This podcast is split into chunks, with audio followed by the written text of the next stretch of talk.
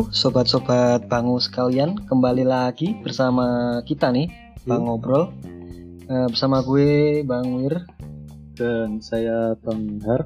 Sebelumnya kita mau mengucapkan selamat Idul Fitri bagi yang menjalankan Ya, bagi kalian semua. ya, yang menjalankan eh minal Minal aizin wal faizin, mohon maaf lahir dan batin. BTW ini eh, Selamat Lebaran. selamat lebaran. Gimana kabar kalian semua Ayo.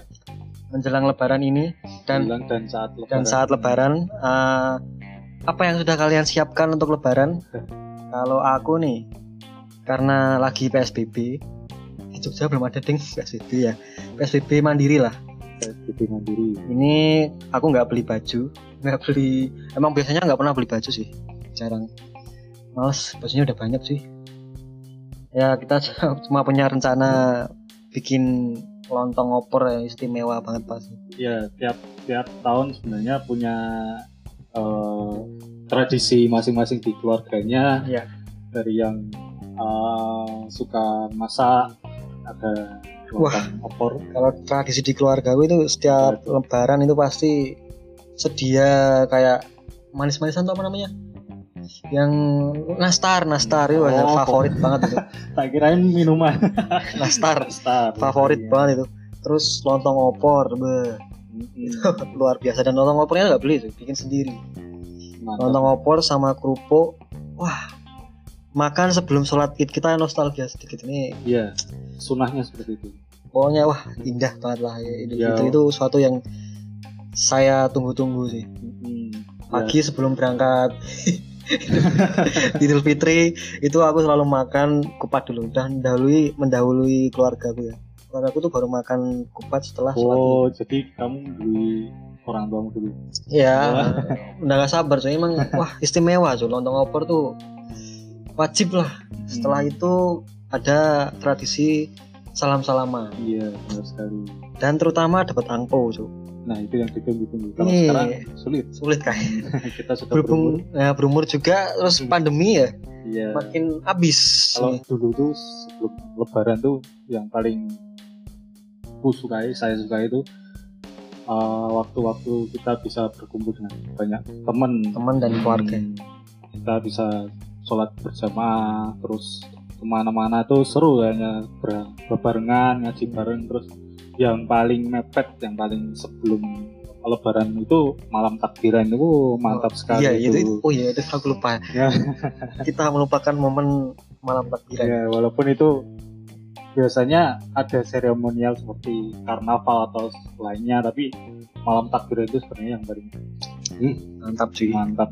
Kita bisa lihat kanan kiri kita masjid kita bertakbir kemudian. Yoi. ya itu seperti seremonial atau karnaval itu tadi yang menjadi pusat kita untuk melepaskan kemenangan kita selama Yoi. Ramadan sudah bertarung melawan hawa hawa hawa nafsu hawa nafsu. Gimana nih kalau kalian? Hmm, selama Ramadan. Selama Ramadan dan besok Idul Fitri sudah persiapkan apa aja? Dan kalian sudah bolong berapa? Iya, ini aku udah bolong dua kali cuy mantap. itu karena agak agak ini sih enggak enggak enak badan. Aku ngiranya anjir ini masa kena corona aku ya. Langsung langsung minum obat itu aku. Saat itu siang-siang awaknya lagi. Badannya udah nggak enak banget. Tenggorokannya udah mulai sakit tapi setelah minum obat ya sehat-sehat alhamdulillah. Kalau banyak sih teman-teman sekitar kita yang mungkin tidak bisa menuntaskan puasanya. Kalau yang cewek mesti Ya. ya ada pasti ada ada tamunya biasanya.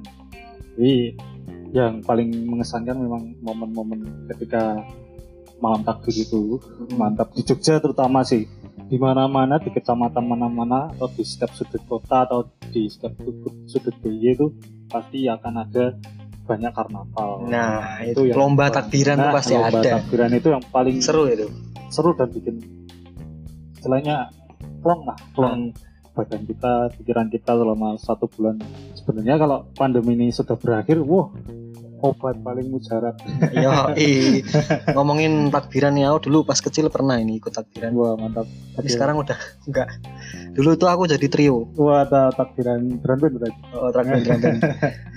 Sama seperti dan itu. nada yang digunakan selalu sama. Dung tudung tudung tudung dung dung tudung tudung sampai selesai Sampai- lagunya. sampai sekarang juga masih seperti itu. Dung, terus tapi keren sih itu. Wah yang aku mengenal musik dari situ. Apa bedanya Ramadan oh? Ya Ramadan dan Lebaran Hmm. tahun sekarang tuh sangat jelas sekali. Yang kemarin kita bisa bersenang-senang. Senang-senang sekarang kita bersabar dulu ya. Sabar-sabar tidak perlu. sekarang takbirannya orang aja. Iya, takbiran online. ada. Ada ini kampungnya Banggar ini adain takbiran online. Jadi gimana itu teknisnya mas? Barangkali, Nggak nggak perlu sih Barang- barangkali ada yang berminat nonton takbiran online dari kampungnya Eh, Banggar itu kita bisa nostalgia lagi di beberapa YouTube yang ada di jadinya nostalgia nih. Nostalgia aja gitu. Kalau berkata tentang festival takbiran tahun sekarang tuh kurang kurang kurang apa ya istilahnya kurang kurang bisa dinikmati lah. Karnaval. itu. Nah ngomongin soal Idul Fitri ya. Ini tuh kemarin ada beberapa mall yang dibuka. Nah. dan malah justru bukannya menaati PSBB sebelum Idul Fitri ya ini? Ya Idul Fitri. Menjelang Idul Fitri. Itu ada beberapa mall yang awalnya ditutup ya iya. Terus dibuka eh bludak padahal peraturan di sana masih PSBB masih PSBB kenapa ya? Itu ah sedih saya ini. dari pendapat saya sih lucu eh aku mesti kalau mau pendapat tuh bilang lucu dulu. Karena hal yang kita lakukan ya baik saya dan kalian semua tuh pasti ada kejadian yang mengena dan bikin tertawa sendiri. Kenapa ketika kita yang seharusnya di rumah malah nah iya. berbondong-bondong dan ketika kita merasa tidak mempunyai uang tapi kita bisa ber- berbelanja di mall. Belanja di mall. itu yang mungkin pertanyaan. Terus ini apa namanya kalian bisa membeli baju tapi kalian nggak bisa beli nyawa. Ya mantap itu. Aduh sangat disayangkan. Dan dan lucunya ada berita tuh dari yang pernah saya baca tapi sumbernya lupa. Kayaknya di lain juga ada tuh Eh, ketika ada kerumunan di mall kemudian ada salah satu yang terjangkit yang dinyatakan positif dan Hmm. kebetulan ada pegawainya nah itu langsung satu mall heboh. Heboh sekali. Itu berita yang sangat mencenangkan sih. Ya istilahnya sadar diri aja bos.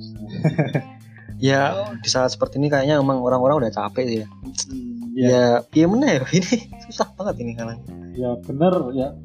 Mungkin batin kita tertekan. Tapi ketika kalian punya disclaimer ini omong kosong.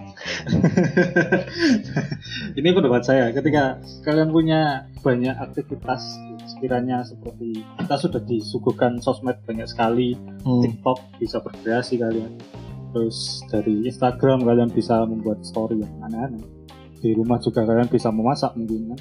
Bisa setidaknya mengurangi kepenatan batin kalian selama ini. Ya walaupun tidak bisa seluruhnya hilang tuh tapi aku jujur nih lama-lama lihat berita kayak gitu udah males banget sih. Udah wah lah ya wes lah. Ya seperti para garda depan itu menggunakan poster. Terserah Indonesia. Indonesia. Terserah. Ya mereka udah mulai capek ya. Kasihan. Tapi sebenarnya kasihan sekali itu ya orang-orang ini nggak menghargai jasa-jasa mereka. Udah berjuang demikian rupa bahkan ada yang meninggal tapi tetap aja nih ya? Kecuali kecuali ada pengecualian. Apa tuh? Memang mereka punya dua nyawa. Atau sembilan nyawa mungkin seperti itu sih. Sembilan nyawa ya? Hmm. ya seperti kataku tadi kalian bisa beli baju tapi nggak bisa beli nyawa. Kalau nyawa bisa dibeli yo. Sans lah. Iya.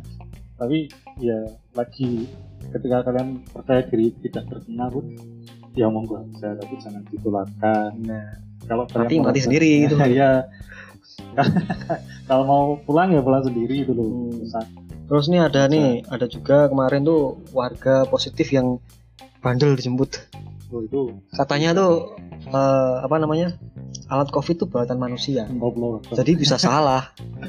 Ya, iya. Ya memang benar kita membuatkan alat orang membuat membuat alat tuh mesti ada kelemahannya ya memang tapi Tapi kan-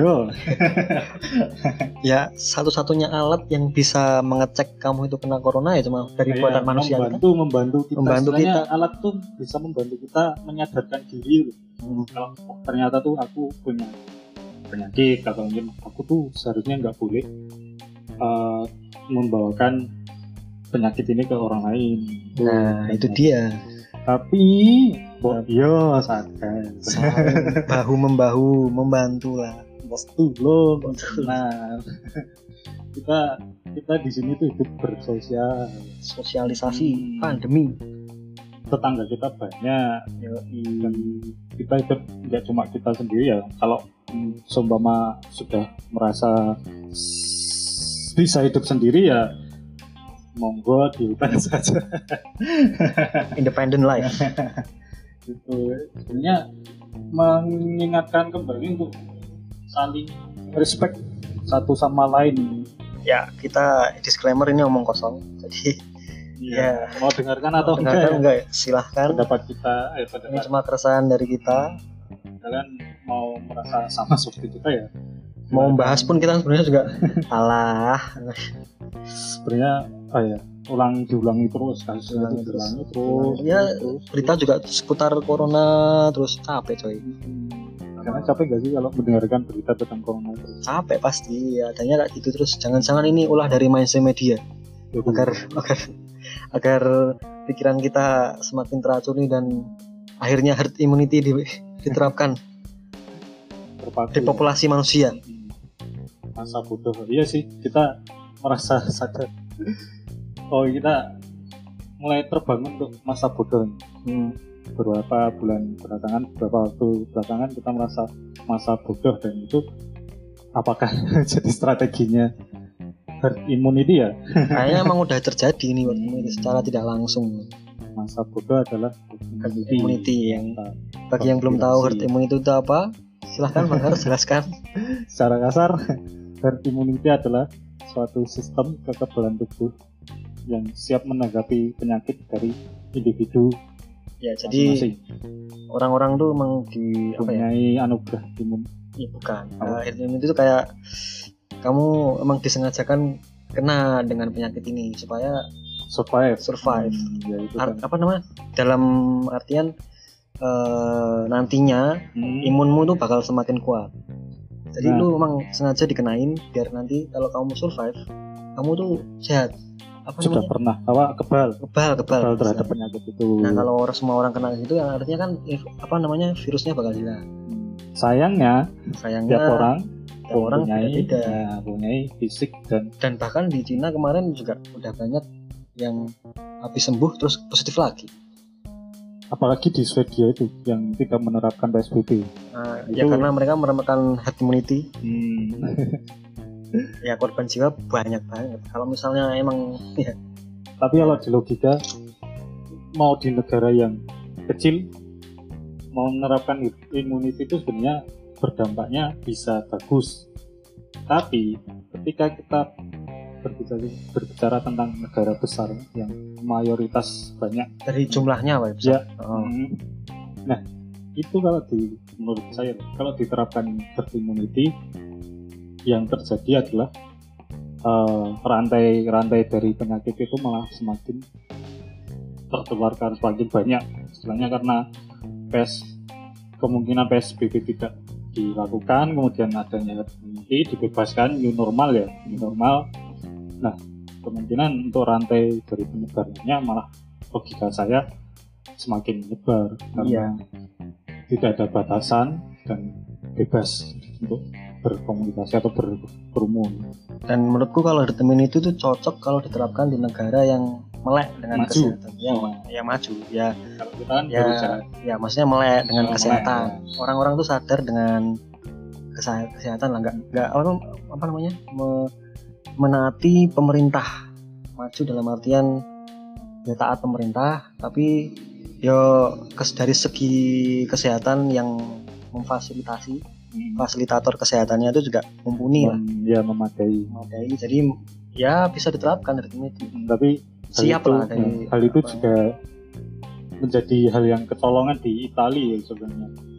Kita iya. kita ketika tapi Itali nggak ada niatan buat herd immunity. Mm-mm. tapi Ya, mereka emang menyepelekan aja. menyepelekan. Dan akhirnya nah ya kayak di Brazil juga. Brazil juga. bahkan presidennya dia bilang kalau ah corona cuma omong kosong penyakit flu biasa kecil. Ya sekarang uh, ambiar. Banyak teori dan konspirasi yang menyebar di sekitar kita tapi kembalikan ke kita sendiri mau diterima iya atau mau di logika menurut kalian Oh. sendiri disclaimer lagi. Hmm, terserah Kembali sih. ke disclaimer. kalian jangan mau, didengarkan. mau mau mengikuti siapa sih? Monggo Saya- di sini kita menyampaikan keresahan saja. Yo, gitu kemudian ini nih baru-baru banget ini. Kasus bukan kasus ya lebih ke hal yang kejadian sih. Kejadian yang kejadian gitu. Sampis. Sampis lagi jadi ada seorang seorang ah, anak bangsa yang berkarya. Lagi-lagi berkarya ya? lagi-lagi berkarya mencetak keviralan dalam waktu singkat. Viral kan emang singkat radikal. Waktu singkat dan klarifikasi singkat. Ya Nah. oh, iya benar sekali. Siapakah itu? Tidak tahu. Tidak tahu tidak tahu tidak tahu. Cari tapi yang jelas ya. karyanya itu dia menciptakan sebuah apa? Kembali lagi niatnya itu bagus. Niatnya itu bagus membantu eh, para korban covid. Iya, dengan cara caranya aja yang, sebenarnya eh, anti dari- mainstream dari segi material ya. Ada nominalnya sekaligus ya itu? Ada. Ada banyak banyak Ya, banget. itu. dan caranya yang sedikit unik ya unik Hmm. banget sebenarnya. Sebenarnya seperti itu sudah ada dulu sih. Dari Iya dari, sih. dari pegiat seperti itu sudah Hmm. ada. Dengan cara menjual eh apa namanya bakwan gembus gembus gembus menjual gembusnya Astagfirullah. Ya jadi menjual gembusnya kemudian hasil 100% didonasikan ke korban covid. Wah ini cara yang anti mainstream sih. Sebenarnya tapi sebenarnya ada agenda di belakang itu. Apakah itu? Ya sudah- tidak tahu. Kamu cari tes. Kalian cari tes sudah terekspos sudah terekspos. Kalian cari tahu sendiri aja. Dari eh, logika kita sendiri eh, hal tersebut itu teknik Menarik. marketing. Eh, menarik menarik menarik untuk kita terapkan. simak. Simak. pertamanya simak dulu sih. Kita simak kemudian kita sebarkan. Hmm, kita harus kayak gini loh. Sebenarnya kebodohan bisa dimanfaatkan. Dengan cara yang kalau orangnya pinter dengan berlagak bodoh nah, kemudian ah iya. Terus ki- aku bingung ngomong. Eh, orang pinter bisa mengendalikan orang bodoh. Bukan. Iya. Eh, Gimana, kebodohan bisa dimanfaatkan. Hmm. orang pintar itu bisa mem- me- me- memanfaatkan kebodohan. Nah iya itu. Nah ya ya menggerakkan kan orang pinter bisa menggerakkan kebodohan. Jadi sebenarnya dia tuh orang pintar. Ada maksud agenda tertentu tapi melakukan tindakan kebodohan. Hmm, demi mencapai agenda yang dia inginkan. Ya tapi kalau seperti itu sebenarnya nggak usah marketing. nggak bisa ke situ. Harusnya dia mendaftarkan di perusahaan terkenal. Terus bisa membantu seperti Google lah. Oke. Google. Dia membuat kebodohan. Mm-mm, membuat membuat apa ya search engine dengan berita yang seperti itu. Oh. Kan orang-orang bakal oh ini apa ini? Ya benar juga. Tembus didol. Tapi ini juga terjadi di Dazzle. Hmm, Dazzle. Kok ini ngomongnya mana bukan berarti kebodohan juga ini sebenarnya sebuah kecerdasan. Marketing. Jadi Dazzle itu ada promo dia jual kijing mantap kijing tuh tahu nggak kalian? Makam ya? Bukan makan apa papan yang buat nulis? Ya Nissan. Nissan lah Nissan. Kijing jadi Dazzle jual Nissan jual macam-macam tapi dia nggak sebenarnya nggak berniat bener-bener buat jual Nissan itu. Lebih ke promo. Oh promo. Promo dieselnya ini apa sih apa sih toko apa sih ini kok jual apa namanya? Toko HP kok jual uh, kijing ini teknik marketing dia nggak cuma juga nggak cuma jual kijing tapi jual alat nyate mantap. Ya alat-alat yang nggak ada hubungannya tapi sama tujuannya HP. untuk mempromosikan? Untuk mempromosikan diesel. Oh diesel. Ini teknik marketing yang sebenarnya apa bodoh tapi cerdas. Saya sebagai orang marketing yang gagal belajar dari ini ternyata wah marketing penuh dengan skema-skema Iya. keren. Kita harus istilahnya membuat orang tuh berpikir apa sih? Hmm, Iya, sebenarnya ada agenda di balik kebodohan. apa sih? Dan orang cerdas bisa memanfaatkan kebodohan itu. Tapi suatu hal yang serius. tapi kalau menurut saya kurang cocok lah kurang pantas untuk diterapkan di suasana seperti ini. Iya sih, kurang tepat aja. kurang tepat. Kalau mau jualan seperti itu ya silakan datang ke tempat yang benar. Contohnya, gang Kang, di sudut Jogja ada loh wah. Ini kita, kita kita ngomongin yang tadi jual gembus tadi. ya jual bus di sana malah laris harusnya jualan di sana. Yes. tapi kalau mau Tidak ada PSBB tapi kalau mau eh, untuk maksud lain itu alangkah lebih baiknya kan itu mempromosikannya di sebuah sosmed ya sosial media di yang mempromosikan dengan sebuah tampilan image atau foto. Nah, ketika si orang ini ingin mempromosikan itu, ya walaupun ada apa detail keterangan seperti itu, nah di slide foto kedua ada tampilan produknya itu lebih bisa ditoleransi seperti itu. Oh, ini ngomongin yang mana nih? itu mbak mbak gembus. Oh, Jadi kan itu ada foto ya, foto orang kan maksudnya dengan detail yang tidak dinalare, detail yang baik lah misalnya untuk membantu. Tapi ketika akan memberikan maksud itu jangan langsung di apa jangan ditunda dulu. Maksudnya langsung di slide selanjutnya di foto selanjutnya. Seperti ada produk apa itu. Oh. itu lebih bisa diterima. Sekarang tuh kalau mau nyari popularitas tuh gampang sekali ya. makanya kalau di Bang Bro sendiri kan kita tidak mencari popularitas kita emang tidak ingin terkenal sih. ya kita cuma entertain doang entertain ya. awal Ya, have fun. have fun only. ya kita menghibur gitu. Semoga bisa menghibur. Mm-mm. itu banyak sekali kasus yang ah, sebenarnya dua sisi lagi Dari sisi perspektif, semua bisa baik semua bisa buruk.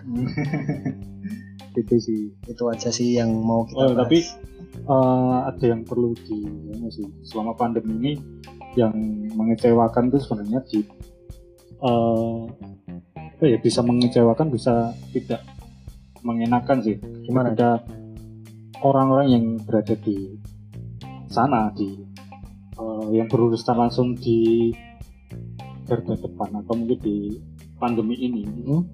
tapi kemudian di bawah di lapisan bawah mereka berteriak dan membuat sebuah desakan yang sebenarnya sudah diupayakan seperti contoh uh, kita di masyarakat mungkin banyak orang yang kesusahan karena bagian ekonomi. Nah ketika ingin memberikan apa ya aksi seperti memberikan bantuan tapi kepada jalur yang resmi seperti dinas nah, itu lebih alangkah lebih baiknya. Itu ditata lagi untuk uh, pendataan yang jelas. Kemudian jangan sampai uh, berstigma jelek bahwa orang yang bekerja di sana atau di dinas atau mungkin di pemerintahan itu tidak memperhatikan kita. Padahal mereka sudah memberikan sebuah perjuangan. Misalnya membuat memberikan Hmm. sebuah uh, uh, apa namanya sebuah jalan untuk ada donatur tapi bukan sekarang tidak sekarang nanti. Jadi uh, diharapkan untuk kita lah untuk bersabar ketika kita mendapati sebuah tekanan seperti ini kemudian kita ingin membantu orang melalui dinas atau pemerintahan terkait tuh kita manut manut mawon manut aja sama yang mempunyai tanggung jawab seperti itu Nah, itu dia pesan dari Bang Har tercinta. iya itu harus tuh soalnya kita di sini tuh bersatu melawan covid Yoi, jangan Hmm. pernah menyerah men. Mm-mm. Dan ikuti peraturan atau apa namanya kebijakan yang ada ya sebisa mungkin. yang jelek ditinggal sekali lagi yang jelek itu ditinggal dari pemerintah ditinggal yang baik saja yang diikuti ya se- apa namanya eh, sebisa mungkin apa ya? Hmm, kalau nggak aduh bingung aku mau ngomong apa. Sebisa mungkin untuk menaati pemerintah. Kalau bisa di logika bisa dijalani. Memang seperti peraturannya yang bisa di taati memang benar bisa dilakukan ya Hmm. dilakukan. Tapi ketika ojo ngeyel lah. Hmm.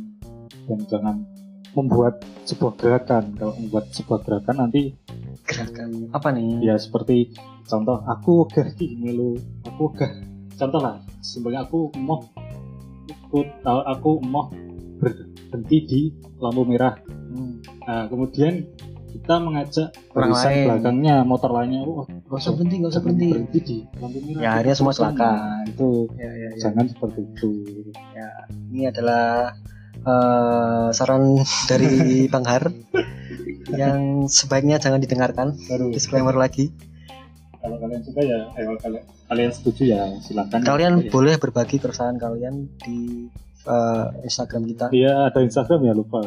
@bangobrol, Bang ngobrol. Bang ngobrol, ya @bangobrol, Bang ngobrol. Bang ngobrol. Bangnya double ya? Ya, oh. Kalian bisa berbagi lewat DM atau apa pun dan kalau kalian ingin ada sesuatu yang disampaikan silahkan. Bisa sampaikan kepada kita kita akan melurus meluruskan. Kita siapa? Kita nggak menampilkan kita nggak ya baiklah. Sekian podcast dari kita. Mhm. yang baik didengarkan yang tidak jangan didengarkan. Iya, benar sekali. ada salah kita mohon maaf. Gue saya Bang Wir. Yuk, pamit. Saya banget. bye